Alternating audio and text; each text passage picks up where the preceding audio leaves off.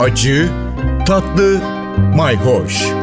Yemek kültürü yazarı Aydın Öneytan'la bir tutam tarif, biraz da tarih. Merhabalar. Bakliyatlı hamurlu çorbalar Anadolu'da çok çeşitli çünkü çok doyurucu. Hem protein var hem karbonhidrat var e, hem mideyi dolduruyor hem de bol lifi var. Evet sadece hamur diye bakmamak lazım bunlara. Ama bu kesme hamurlar gerçekten de hem e, gördüğümüz gibi bazen içinde yumurtalı oldukça diri, bazen de sadece un, su ve tuzla yapılan hamurlar olabiliyor. Fakat çok ilginç olanı bakliyat olarak çok çeşitli bakliyatlar katılabiliyor elbette. Mercimek gibi, e, çoğu kez nohut gibi ya da bazen Antep mercimeği gibi. Bazen börülce de giriyor devreye. E, hamur ise dediğim gibi yumurtalı yumurtasız yapılabiliyor. Farklı şekillerde de olabiliyor. Bazen üçgen kesiliyor, bazen kare kesiliyor. Bazen erişte gibi e, ince uzun kesiliyor. Kesilme biçimine göre farklı isimler aldığı da oluyor. Örneğin erişte gibi ince uzun olursa bacaklı çorba denilebiliyor. Pek çok yörede mercimekli kesme hamurlu çorbaya bacaklı çorba denir. Bazen sakala çarpan deniliyor. Yaşlı bir dedenin sakalına da birkaç tane erişteyi düşürmesiyle böyle bir isim almış diyebiliriz. Bazen de hamur çok daha ufak kesiliyor.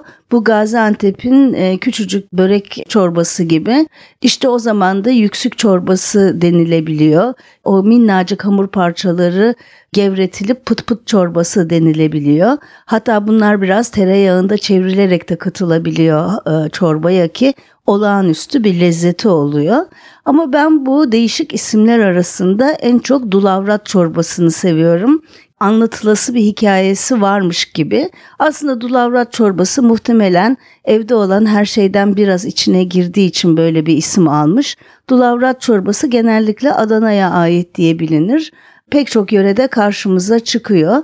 Aslında bütün Anadolu'ya biraz mal olmuş bir çorba diyebiliriz. İçinde sadece yeşil mercimek ve hamur olduğu da olabiliyor ama aslında içinde bol miktarda nohut da olması lazım. Dulavrat çorbasında bir toyga çorbası gibi veya umaç gibi yoğurt karıştırılmıyor. Tabii ki özgününde olmasa bile sonradan domates salçası, biber salçası da girmiş. Oldukça lezzetli içinde bol helva gibi yumuşacık haşlanmış nohut, mercimek ve de içinde kibrit çöpü gibi erişte parçalarının da olduğu bir çorba dulavrat çorbası. Hem doyurucu hem besleyici. Hele bir de üstüne naneli yağ gezdirirseniz keyfine doyum olmayacak bir çorba. Yeni tarifler, yeni hikayeler için takipte kalın. Hoşça kalın. Bir tutam tarih, biraz da tarif.